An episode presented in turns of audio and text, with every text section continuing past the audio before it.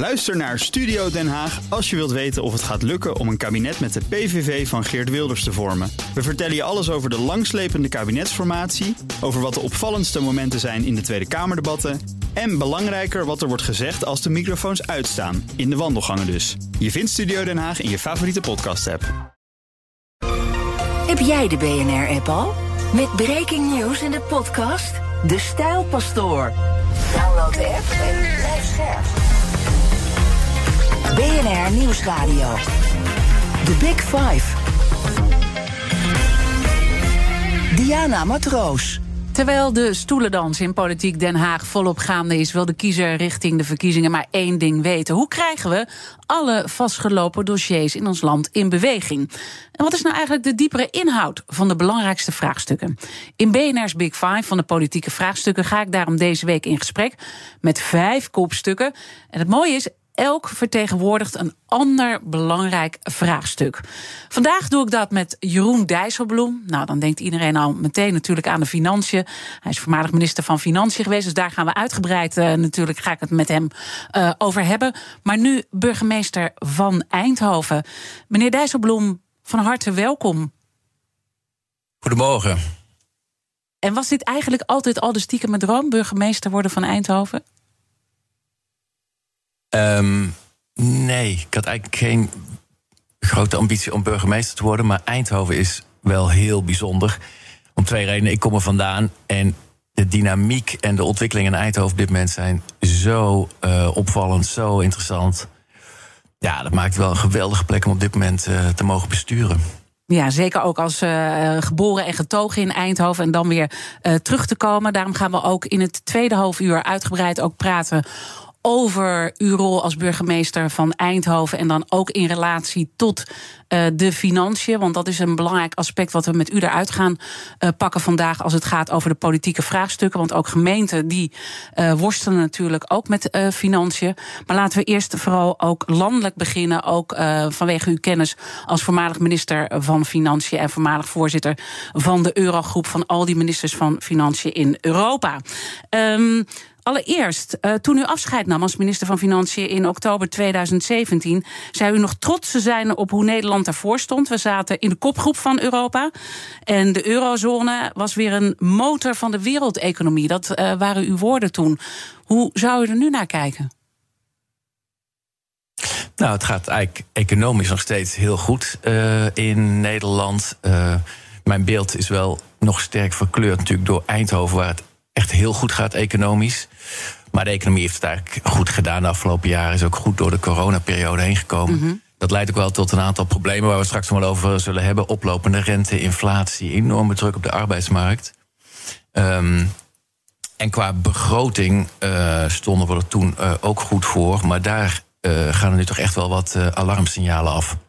Want als we kijken naar het grootste politiek vraagstuk, hè, want dit heet BNR's Big Five van de politieke vraagstukken uh, deze week.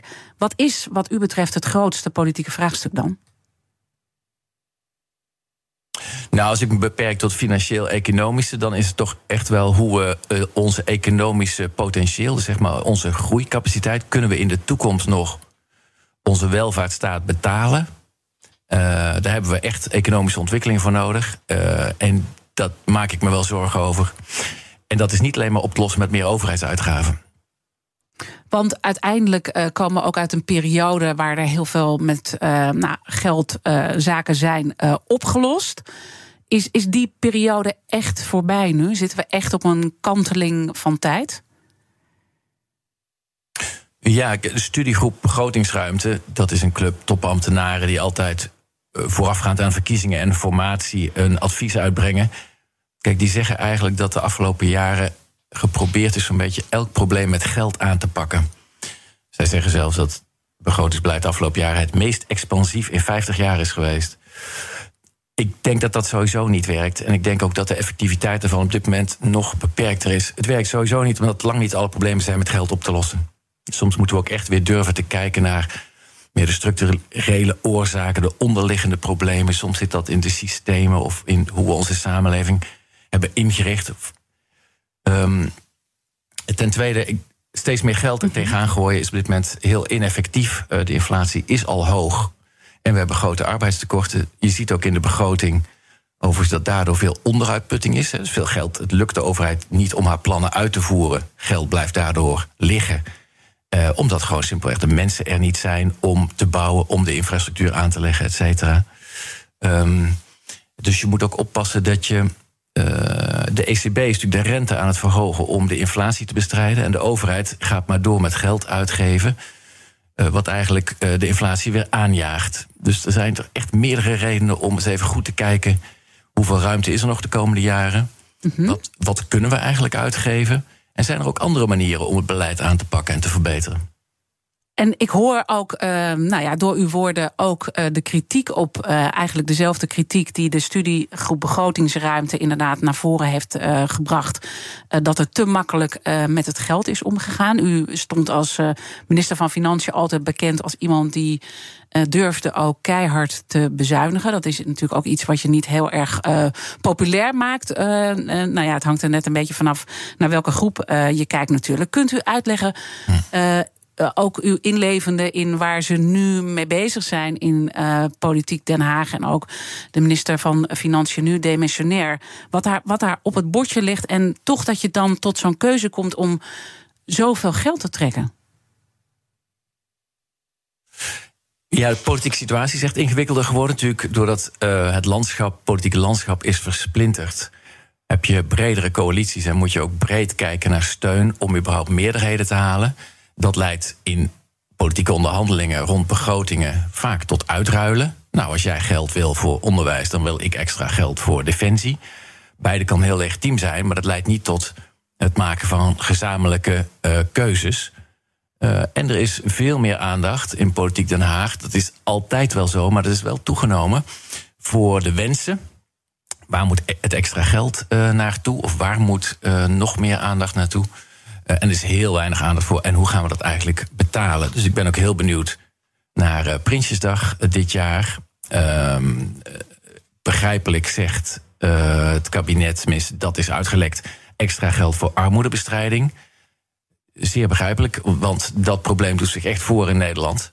Tegelijkertijd moet je ook de vraag beantwoorden: en hoe gaan we dat dan financieren? En niet, niet eenmalig, maar echt langjarig, dus solide financieren.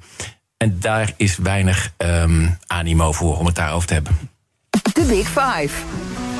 Diana Matroos. Mijn gast is Jeroen Dijsselbloem. Hij is burgemeester van Eindhoven, maar natuurlijk ook voormalig minister van Financiën. En daarom spreken we ook uh, met hem. Uh, als burgemeester van Eindhoven zit u in de studio in Eindhoven.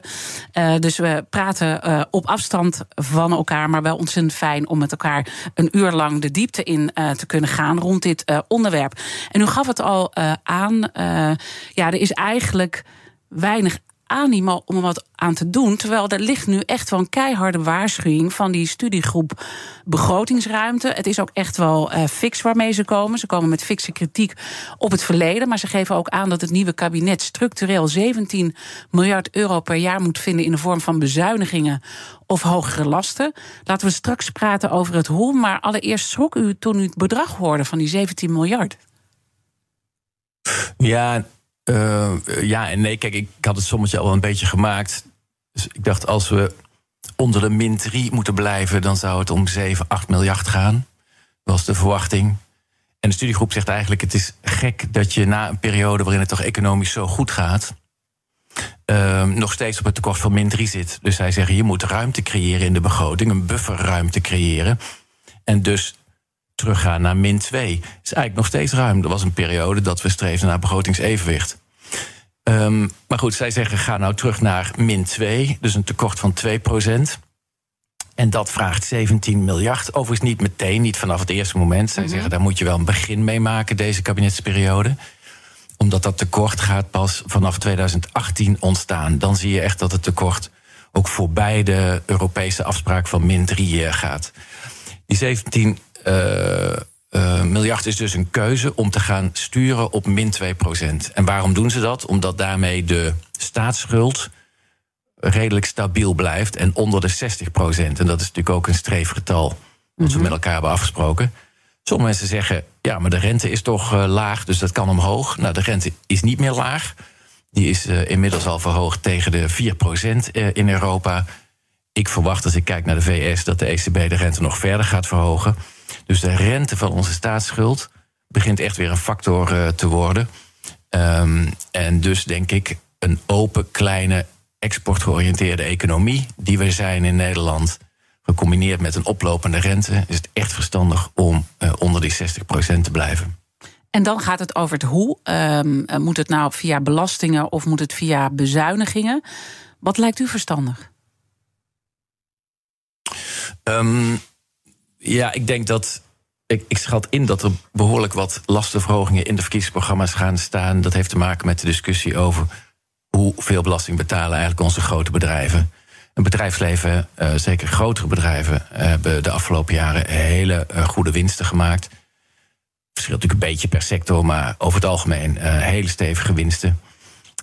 We hebben wel wat gedaan de afgelopen jaren aan belastingontduiking en constructies en fiscal tax planning. Um, maar ik denk dat daar echt nog wel ruimte zit om daar een grotere bijdrage te vragen. Het tweede is bezuinigingen. Dat is natuurlijk super onpopulair. Mm -hmm.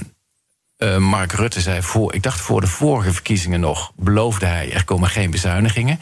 Het lijkt me verstandig dat deze politici, een nieuwe generatie, dat soort beloften gewoon niet meer doet. Um, want het geld is wel zo'n beetje op. De grote problemen liggen er nog, dus die zul je ook moeten aanpakken. Dus je zult slimmer beleid moeten voeren. Ik geef maar een voorbeeld. Je kunt alles proberen te stimuleren met subsidies. Mhm. Maar je kunt ook normeren of beprijzen. Dus normeren is dat je in wet en regelgeving gewoon vastlegt dat sommige dingen echt niet meer kunnen. Of dat apparaten energiezuiniger moeten. Of dat bepaalde brandstoffen uh, op een bepaald moment niet meer zijn toegestaan. Gewoon uh, dus normeren, een norm mhm. stellen uh, en daar een datum aan verbinden. Beprijzen is natuurlijk, um, je maakt gewoon ongewenst gedrag met financiële prikkels minder aantrekkelijk. He, dus gewoon milieubelastingen heffen. Uh, ook dat is een manier om het gedrag van mensen bij te sturen in een richting die ons voor de toekomst er beter voor laat staan.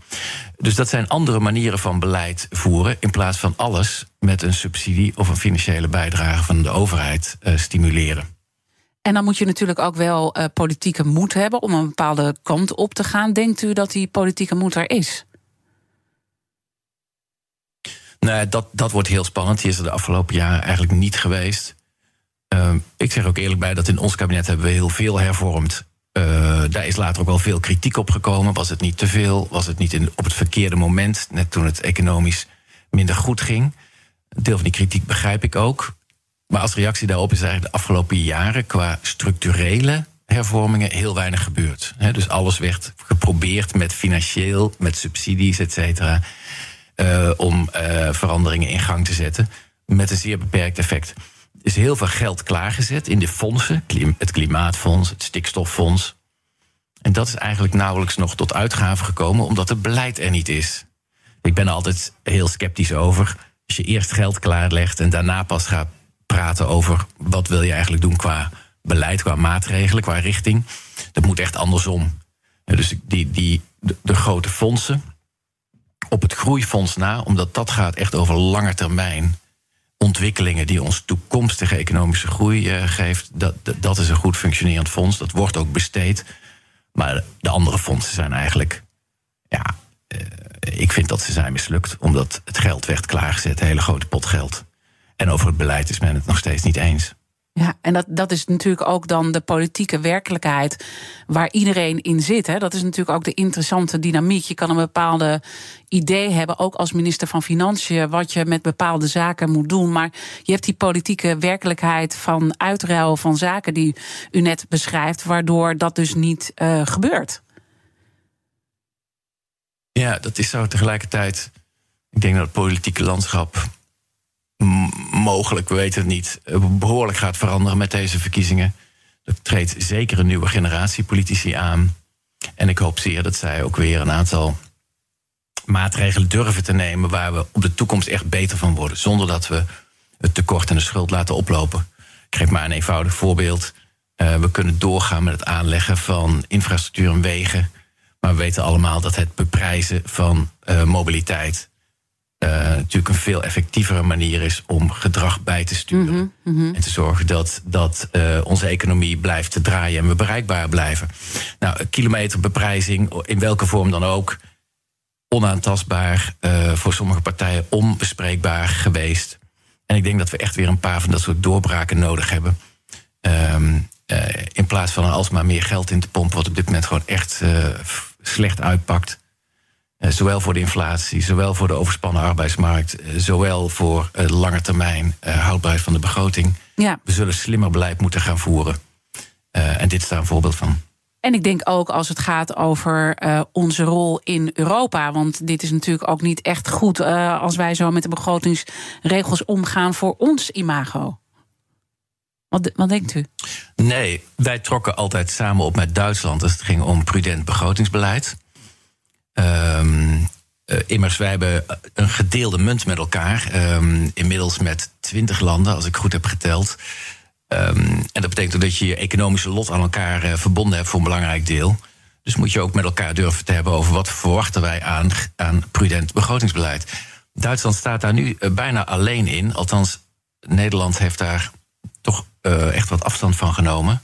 Ik denk dat dat onverstandig is. Dat wil niet zeggen dat je de begrotingsregels niet kunt verbeteren. Die zullen ook ongetwijfeld moeten worden aangepast, hoewel daar al lang over gepraat wordt. Um, maar we moeten echt oppassen, ook voor de lange termijn stabiliteit uh, in de eurozone.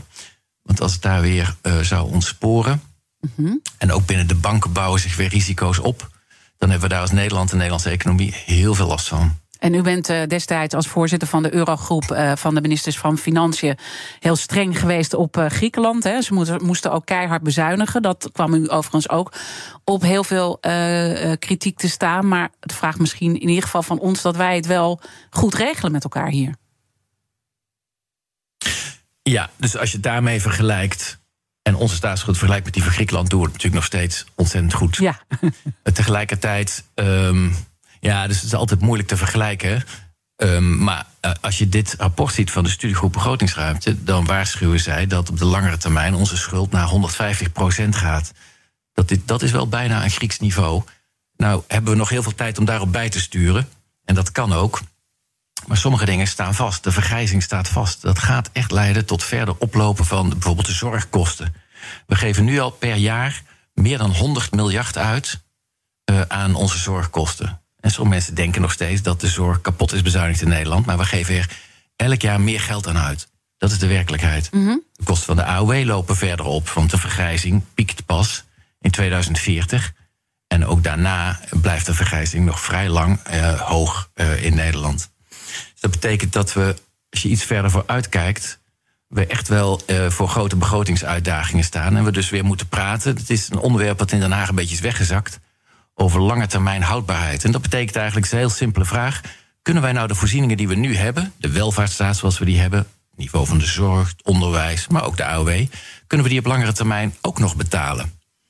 Nou, en het antwoord uh, van de studiegroep is eigenlijk een hele grote waarschuwing. Pas op, uh, dat gaat niet goed. We gaan richting een hele grote mm -hmm. staatsschuld van 150 procent. Nogmaals, hele lange termijn, dus we kunnen er iets aan doen. Ja. Maar dat vergt wel dat we ook weer praten over hoe doen we dit eigenlijk op de lange termijn? Doet het, um, doet het ja, u ergens mijn aan hoop is gevestigd op die. Uh, mm -hmm. Gaat ik wil zeggen, mijn hoop is gevestigd op de nieuwe generatie politici die uh, aantreden. Uh, dat zij het ook weer met elkaar hebben over de toekomst. Zowel op het gebied van brede welvaart, klimaat, maar ook hoe betalen we het met elkaar. Ja, en dan komt u bij een belangrijk punt. En we zaten even door elkaar heen, omdat uh, u zit in studio Eindhoven en ik in studio Amsterdam. Dus dan uh, kan je elkaar ook niet aankijken. En soms hebben we wat vertragingen op de lijn. Dan begrijpen mensen dat uh, ook. Um, ja, u zegt betaalbaarheid is dan belangrijk om het daarover te hebben. Maar dan zie ik een aantal partijen die niet naar het CPB gaan voor de doorrekening.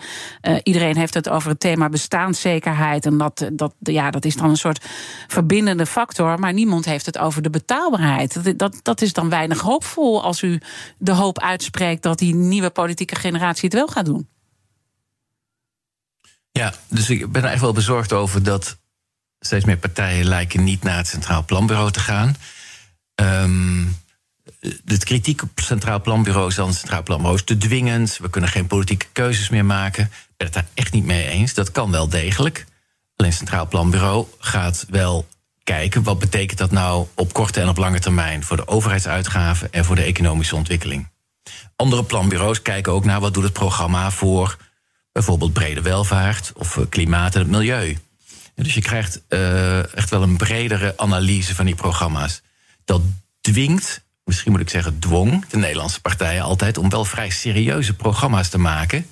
Uh, niet zomaar wilde beloftes of te veel vaagheden op te schrijven. Uh, dat zie ik nu wel gebeuren. Ik geef een voorbeeld. We hebben de afgelopen jaren natuurlijk heel veel discussie gehad over het toeslagenstelsel. Uh, en de fundamentele vraag: hoe gaan we daar nou in de toekomst mee om? Moet dat blijven bestaan? Gaan we het vervangen door iets anders? Uh, moeten we het belastingstelsel hervormen?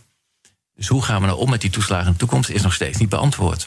En als je de verkiezingsprogramma's erop naleest, ben ik nog steeds in vertwijfeling. Hoe gaan we dat nou doen? Want we kunnen hier toch niet mee doorgaan. Inmiddels heeft meer dan de helft van de Nederlanders heeft een toeslag. En die wordt nog steeds even risicovol uh, uitgekeerd. Met heel veel terugbetalingen, et cetera. Dat was de kern van het Mhm, probleem met die toeslagen. Wat gaan we daar nou mee doen? En een, een van de goede dingen van het CPB is, als je daar naartoe gaat, dat het CPB ook vraagt: oké, bestaanszekerheid lees ik, maar wat gaat u dan doen? Dus het CPB dwingt partijen ook, en nogmaals, dat kun je op allerlei verschillende manieren invullen, maar CPB dwingt partijen ook om te vertellen hoe dan. Want iedereen vindt bestaanszekerheid uh, belangrijk. Ik hoor nu zelf de VVD daarover. Ja. Um, maar ik hoor niet hoe dan. En uh, dat is toch heel belangrijk. En de CPB kan het alleen maar doorrekenen en beoordelen als het concreet wordt. En wat, wat zegt u dat, uh, dat dat dan niet gebeurt? En dan denk ik, ja, gaan ze, gaan ze zich dan wel wat aantrekken van die studiegroep begrotingsruimte? Wat, wat zit daaronder? U kent de dynamiek in Den Haag, dat dit nog steeds niet gebeurt, gezien toch wel echt het grote probleem wat voor ligt. Ja, tot nu toe is het zo, en ik zeg niet dat het goed is, maar zo gaat het tot nu toe vaak. Dat vervolgens tijdens de formatie, in de beslotenheid van die formatie, worden die adviseurs aan tafel gehaald. En dan wordt er ineens wel serieuzer naar gekeken. Van wat is eigenlijk de begrotingsruimte? En wat kunnen we doen om die groter te maken? Je kunt immers de belastingen verhogen of bezuinigen. Uh, bezuinigen. Dus tijdens de formatie wordt het ineens serieuzer. Maar het nadeel daarvan is dat aan het einde van de formatie. Uh, dus heel veel van de beloften en de verwachtingen. die in de verkiezingen zijn gewekt. niet worden waargemaakt. Mm. Um, dus die correctie op basis van het verleden is mijn verwachting dat die correctie mm, voor een deel nog wel zal komen. Maar eigenlijk is het niet goed. Eigenlijk moet dit voor de verkiezingen worden beantwoord door uh, de kandidaat-politici. Mm -hmm. uh, hoe gaan we dit nou doen? hoe gaan we het betalen? En hoe staat Nederland er dan voor? Laten we daar dan zo meteen uh, over verder praten in het uh, tweede deel. Uw adviezen aan een nieuw kabinet. Ik praat dan verder met Jeroen Dijsselbloem. En natuurlijk bent u ook uh, burgemeester van Eindhoven. Dus laten we ook daar praten over de economische kansen. Met ASML aan, aan, aan de ene kant als heel belangrijke speler natuurlijk. Maar er zijn ook uitdagingen in uw gemeente. Blijf luisteren. Ook Bas van Werven vind je in de BNR-app. Ja, je kunt live naar mij en Iwan luisteren tijdens de ochtendspits. Je krijgt een melding van Breaking News. En niet alleen onze podcast Ochtendnieuws, maar alle BNR-podcasts vind je in de app. Download nu de gratis BNR-app en blijf scherp. Blijf scherp. BNR Nieuwsradio. The Big Five. Diana Matroos. Welkom bij het tweede halfuur van de Big Five. Deze week praat ik met vijf kopstukken uit de politieke wereld... met wie ik op basis van hun eigen expertise... dieper inga op een aantal belangrijke politieke dossiers. Morgen dan zal ik de week afsluiten met Wouter Bos... bestuursvoorzitter van zorgverzekeraar Mensis... en natuurlijk ook voormalig minister van Financiën. Ik ga met hem onder andere praten over de betaalbaarheid van de zorg. En mijn gast vandaag is Jeroen Dijsselbloem... burgemeester van Eindhoven op dit moment.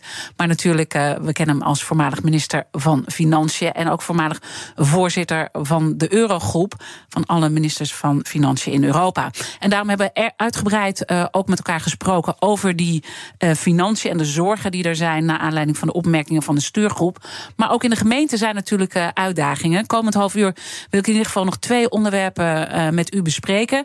Aanbevelingen voor een nieuw kabinet, ook vanuit uw rol als burgemeester van Eindhoven en de financiële uitdagingen voor veel Nederlandse gemeenten. En laten we met dat laatste beginnen, want er zijn al heel lang zorgen over die financiële status van veel gemeenten in Nederland. Uit onderzoek van accountantskantoor BDL bleek eerder dit jaar dat zes op de tien gemeenten vanaf 2026 in de financiële problemen kunnen komen. Hoe zorgelijk is de situatie voor u, in uw optiek als u kijkt naar dit rapport ook?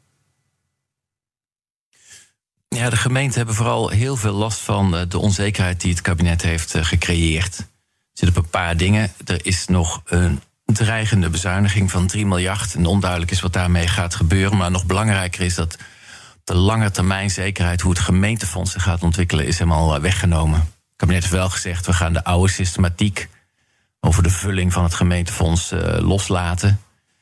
maar hoe het daarna verder gaat, is nog onduidelijk. Dat wordt nu tijdelijk weer gerepareerd. Maar het derde probleem waar de gemeentes tegenaan lopen... is dat er steeds meer door het Rijk tijdelijk wordt gefinancierd. Uh, dat heeft ermee te maken dat er soms in Den Haag geld overblijft... en dan wordt er vlak voor het einde van het jaar nog geld even weggeschoven naar gemeentes. Die krijgen dat ook niet meer uitgegeven voor het einde van het jaar.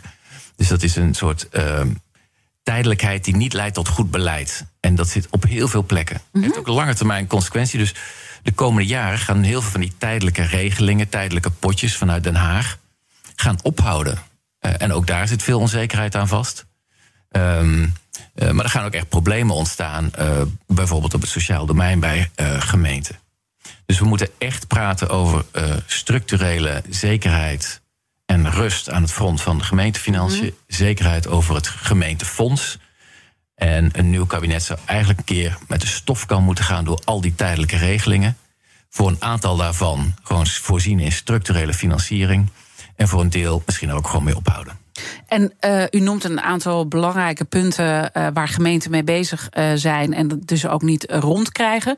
Nou speelt er natuurlijk ook iets. Ze zijn mede verantwoordelijk voor de uitvoering van hele grote zaken waar, met, waar we met elkaar continu over spreken, ook hier in de media. meer woningbouw, de energietransitie, de opvang van ja. asielzoekers. Dat zijn ook allemaal zaken die op het bordje van gemeenten komen te liggen. Maakt dat het extra heikel ja. als je dan naar die financiering kijkt? Zeker als het gaat om de grote investeringen, zoals rond uh, woningbouw uh, of mobiliteitsproblemen uh, die, die er zijn. Kijk, dan is het heel belangrijk dat gemeenten lange termijn zekerheid hebben over hun financiering. Het grootste deel van de inkomsten van de gemeente lopen nog steeds via het Rijk, via het gemeentefonds. Um, gemeentes worden gebonden aan hele strenge regels. als wij structurele uitgaven nemen, dan moeten we die ook structureel natuurlijk boeken. Terecht. Uh, en we moeten langjarig altijd een begroting in evenwicht laten zien. In tegenstelling tot het Rijk. We hadden het er daar eerder over. Het Rijk heeft nu alweer een aantal jaren uh, tekorten. En dat gaat eerder oplopen dan afnemen. Maar de gemeenten mogen dat niet. Nou, dat betekent dat we uh, onzekerheid hebben. En wel heel strenge regels over hoe wij investeringen mogen doen. Nou, dat gaat echt knellen. gemeenten moeten heel veel investeren rond klimaat, woningbouw, mobiliteit.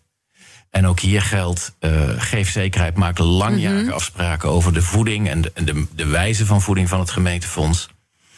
Want anders lopen we daar eh, echt vast. Ja.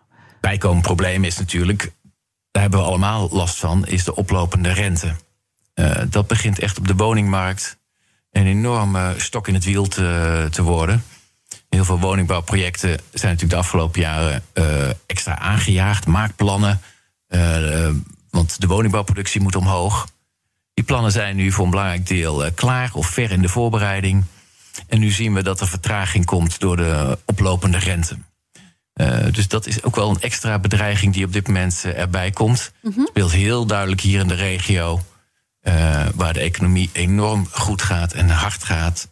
En we eigenlijk niet snel genoeg de investeringen kunnen doen die daarbij horen, om dat op een goede en verantwoorde manier te doen. Ja, ik hoor uh, tal van uh, problemen die u aanstipt. Terwijl in het eerste half uur hebben we natuurlijk ook gesproken dat de, ja, de Rijksoverheid eigenlijk te makkelijk is met ehm, ja, geld uitdelen. De tijd van gratis geld is wel voorbij. Dat omslagpunt hebben we echt bereikt en dat heeft u ook heel goed geduid moeten we dat dan niet ook uh, uh, richting die gemeente doen? Want ja, het, het, is gewoon een tijd misschien van de broekriem aanhalen. Dat betekent misschien ook iets voor gemeenten. Ja, ik denk dat uh, u hoort mij ook niet pleiten voor enorme grote bedragen richting de gemeente. Hoewel mijn collega's in gemeenteland daar misschien teleurgesteld over zijn. Ik denk dat dat, als ik naar het financieel beeld kijk, niet realistisch is. Maar ik pleit wel voor duidelijkheid en langjarige zekerheid.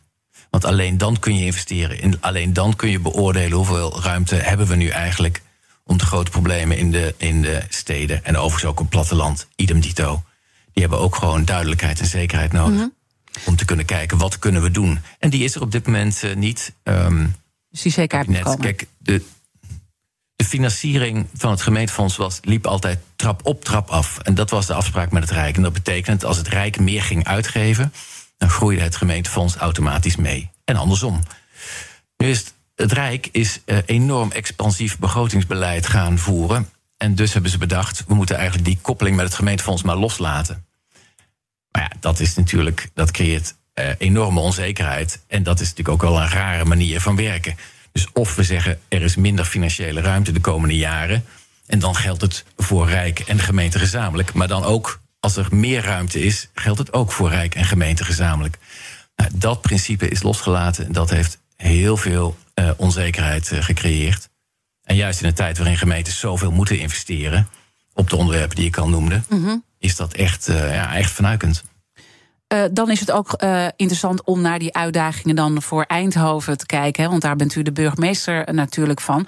Waar liggen nou de grootste economische uitdagingen? Ja, uh, misschien eerst de, allergrootste uitdaging is dat het economisch zo goed gaat. dat we moeten zorgen dat de voordelen daarvan in de hele stad worden gevoeld. Uh, u moet zich realiseren dat de economische groei in Eindhoven is nu al tien jaar grofweg twee keer het landelijk gemiddelde. Uh, dus het afgelopen jaar 6 procent, jaar daarvoor 8 procent. We hebben hier meer dan 6000 techbedrijven. Dat is het hart van onze economie. En daaromheen natuurlijk een enorme schil van dienstverlening. Uh, en semi-publieke en publieke uh, instellingen. Um, die ontwikkeling gaat zo hard dat het overal druk op ligt. En een deel van de bevolking maakt het ook niet mee of voelt alleen de nadelen. Bijvoorbeeld de huizenprijzen gaan zeer sterk omhoog. Dat is eigenlijk onze grootste uitdaging. Hoe houden we die stad bij elkaar? Zorgen we dat. En dat wordt dan vaak brede welvaart genoemd. Dat niet alleen gewoon echt economische groei wordt gerealiseerd. Maar dat in den breedte de kwaliteit van ons leven. Zo breed mogelijk in de stad Eindhoven en in de regio. Mm -hmm. uh, ook echt verbetert. En ik denk dat het mooi is om daar de kettingvraag uh, bij te pakken. Sorry dat ik, uh, dat ik u onderbreek, want die gaat namelijk over de brede welvaart. Ik sprak namelijk gisteren met SER-voorzitter Kim Putters. En die had deze vraag voor u.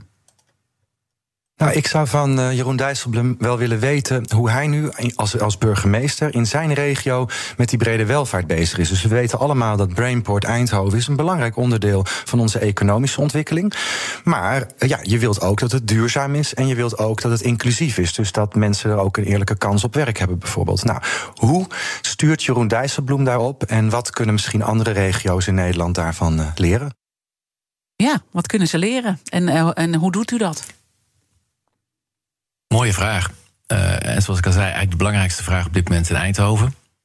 Um, wat wij proberen, kijk, het is niet zo dat we hier het gouden sleuteltje in handen hebben, want de opgave is heel groot, is te zorgen dat er kansen blijven ontstaan voor iedereen. Bijvoorbeeld op de woningmarkt, uh, we gaan niet alleen maar veel bouwen voor de. Want iedereen, mensen denken dat in Eindhoven komen zoveel internationale werknemers bij ons bedrijfsleven werken. Sommige mensen denken dat we alleen daarvoor bouwen. Het tegendeel is waar. Wij bouwen het overgrote deel sociaal en betaalbaar voor middeninkomens. Het grootste deel van de nieuwe banen die ontstaan in onze regio zijn ook MBO-banen. Dus we bouwen echt um, breed voor de samenleving.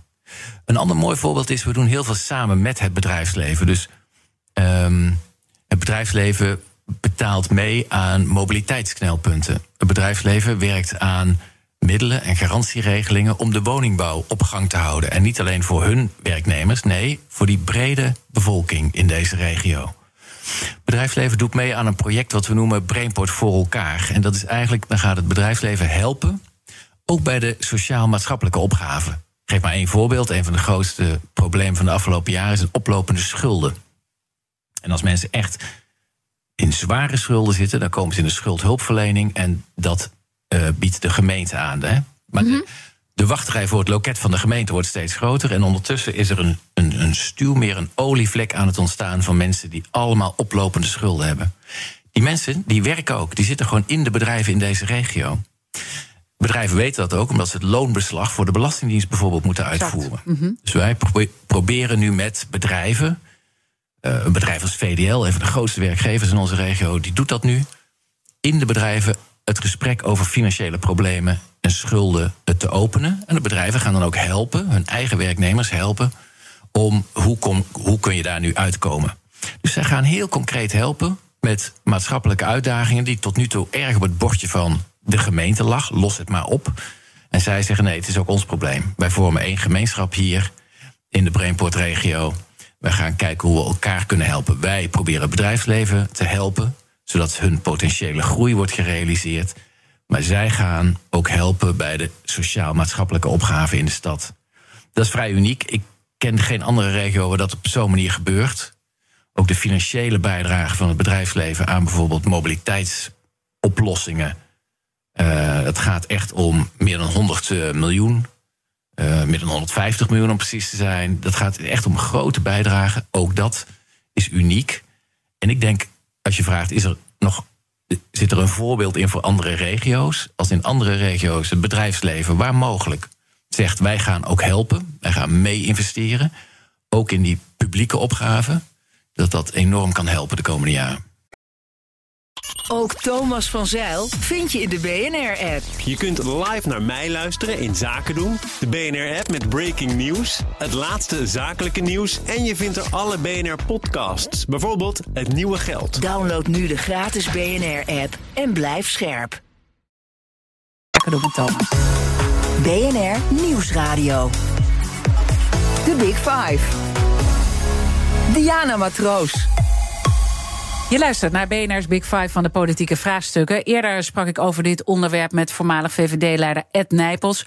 Ook over de moeizame aanpak van het uh, klimaatprobleem. Overigens maakt hij zich geen zorgen uh, dat klimaat een ondergeschoven kindje gaat worden bij een nieuw kabinet. Het is uh, terug te luisteren via bnr.nl en de bekende podcastkanalen. Mijn gast vandaag is Jeroen Dijsselbloem. Hij is burgemeester van Eindhoven en voormalig minister van Financiën. En u heeft net een kettingvraag beantwoord, maar die vraag gaat natuurlijk door. En morgen dan sluit ik de week af met Wouter Bos, uh, bestuursvoorzitter van zorgverzekeraar Mensis. Maar net als u natuurlijk ook voormalig minister van Financiën.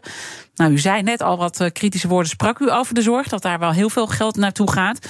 maar wat zou u hem willen vragen?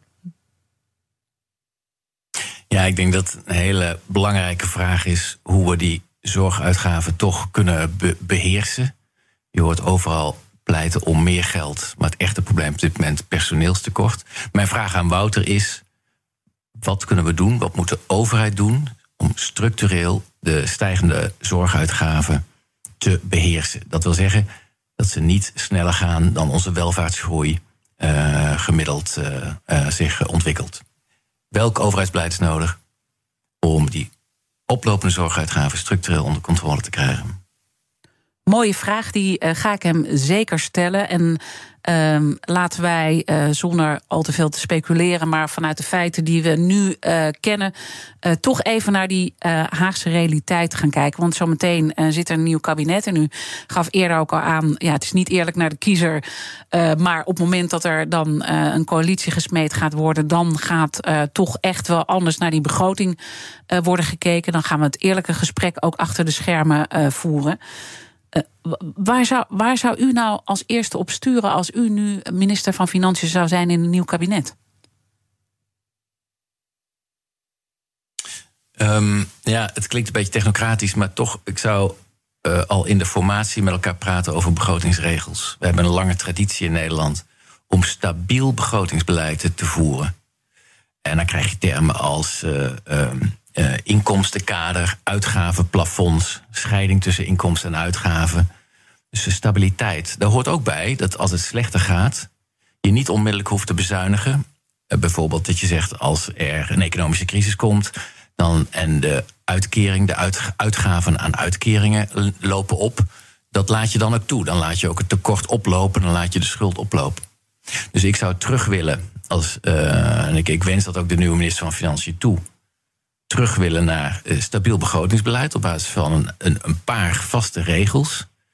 Waarmee je ook economische schokken uh, kunt opvangen. Mhm. Uh, je dus niet, ehm, dat wordt dan genoemd, pro-cyclisch beleid voert. Daar zijn we heel slecht in. Ook in mijn tijd. Wij moesten de begroting toch op orde gaan stellen. Terwijl we nog bezig waren om uit de crisis te komen. nu hebben we een hele goede economische periode gehad. En hebben we de uitgaven toch heel sterk laten oplopen en ook het tekort laten oplopen. We blijven op die manier pro-cyclisch beleid voeren. En je zou toe willen naar een veel stabielere situatie waarbij we dat niet doen en niet de problemen economisch nog verder vergroten door ons begrotingsbeleid. En als ik dan toch ook weer even door de bril van de brede welvaart uh, kijk. En eigenlijk ook uh, waar ik met Kim Putters over sprak. En wat ik u ook ergens hoor zeggen. Het heeft wel twee gezichten. Hè? Economisch gezien gaat het aan één kant. Ja, komen we weer uit een goede periode. Maar ja, je hoort continu faillissementen. er zijn ook heel veel zorgen. Steeds minder mensen kunnen de eindjes aan elkaar knopen. En dat vraagt ook wel um, ja, van een overheid misschien om toch meer de, de hand uit te steken. En toch meer uh, in, in een problematische tijd, ook voor heel veel mensen, dat andere gezicht, om daar veel geld uh, in te steken. Dus die sociale besta bestaanszekerheid ja. ook. Dat is natuurlijk wel het helse dilemma wat voor ligt. Ja, dus daarom begrijp ik ook goed dat het kabinet waarschijnlijk voor het komende jaar miljarden vrijmaakt voor armoedebestrijding. Op korte termijn is dat echt nodig. Op de langere termijn moeten we toch ook kijken naar hoe gaan we dan zorgen dat die welvaart groter wordt Waar zit de nieuwe economische groei? Is er eigenlijk nog, heeft Nederland en Europa nog een positie in technologische ontwikkelingen voor die toekomstige groei? Uh, je zult ook moeten kijken naar een aantal onderliggende maatschappelijke problemen. Hoe functioneert ons arbeidsmarkt eigenlijk? Er ligt een heel goed rapport, maar inmiddels alweer van een aantal jaren geleden, van eh, Hans Borstlap over de hervorming van de arbeidsmarkt. Ja.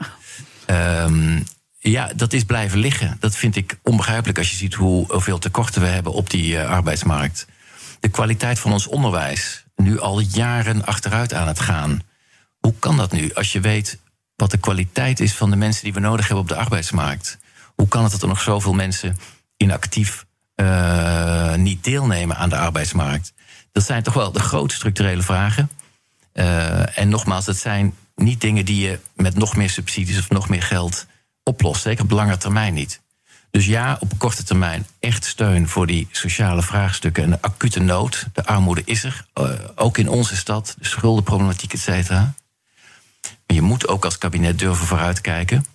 Uh, zorgen dat de arbeidsmarkt beter gaat functioneren. Uh, dat we ophouden met al die nul-uren contracten en flexcontracten... waar mensen totaal geen positie opbouwen, geen vermogen opbouwen... sociaal-economisch heel onzeker blijven. Dat zijn echt hervormingen die nodig zijn... Uh, en dan doe je structureel iets aan armoede. Dus dat zijn belangrijke punten om vast te pakken. Ook durven om te beprijzen. Wat, wat, wat, wat u eerder aangaf. Je vraagt ook om uh, politieke moed. En daar kan je ook de duurzame ambities uh, tegelijkertijd bij de kop pakken. Want daar hoor ik trouwens weinig partijen echt over. Dat is niet echt, vooralsnog lijkt het een, een thema. Dus dat zijn de belangrijke dingen die u heeft benoemd. Maar ook durven toch keihard te bezuinigen uh, om te zorgen dat je straks, als je het echt hard nodig hebt, wel buffers hebt? Ja, keihard bezuinigen is eigenlijk niet nodig. Um, de studiegroep zegt ook.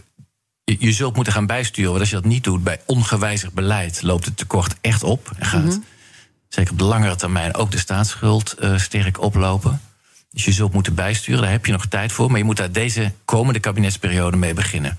En ten tweede, um, keihard bezuinigen vind ik ook echt nog wel wat anders dan gewoon beter beleid voeren. Hè? Dus met andere manieren van sturen, zoals normeren, zoals beprijzen.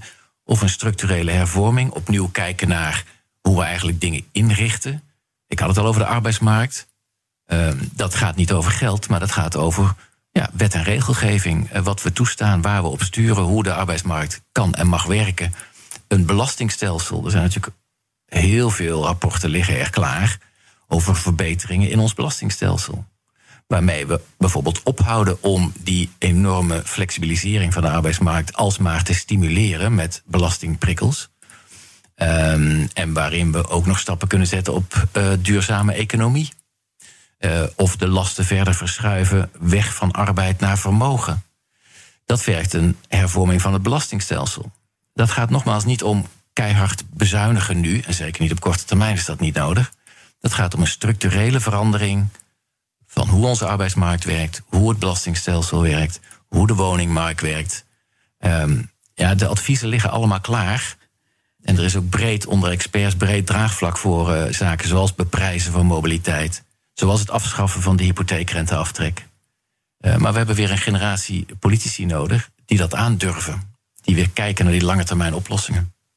Ik denk dat dit een mooi slotstuk is van het gesprek, want dan gaat het uiteindelijk toch over politieke moed. Um, ik vond het leuk om met elkaar te spreken. Dank Jeroen Dijsselbloem, burgemeester van Eindhoven. En natuurlijk voormalig minister van Financiën en voormalig voorzitter van de Eurogroep. En natuurlijk zijn alle afleveringen van BNR's Big Five zoals altijd terug te luisteren. Abonneer je op onze podcast via onze app of je favoriete podcastkanaal. Dan weet je zeker dat je niks mist. Maar heel belangrijk, zegt altijd, blijf op deze zender. Zometeen BNR Zaken doen met Thomas van Zijl. Ik wens je een mooie dag. Bij BNR ben je altijd als eerste op de hoogte van het laatste nieuws. Luister dagelijks live via internet. Bas van Werven. En heel langzaam komt de zon op rond dit tijdstip. Je krijgt inzicht in de dag die komt op BNR, het Binnenhof in Nederland en de rest van de wereld. De Ochtendspits. Voor de beste start van je werkdag. Blijf scherp en mis niets.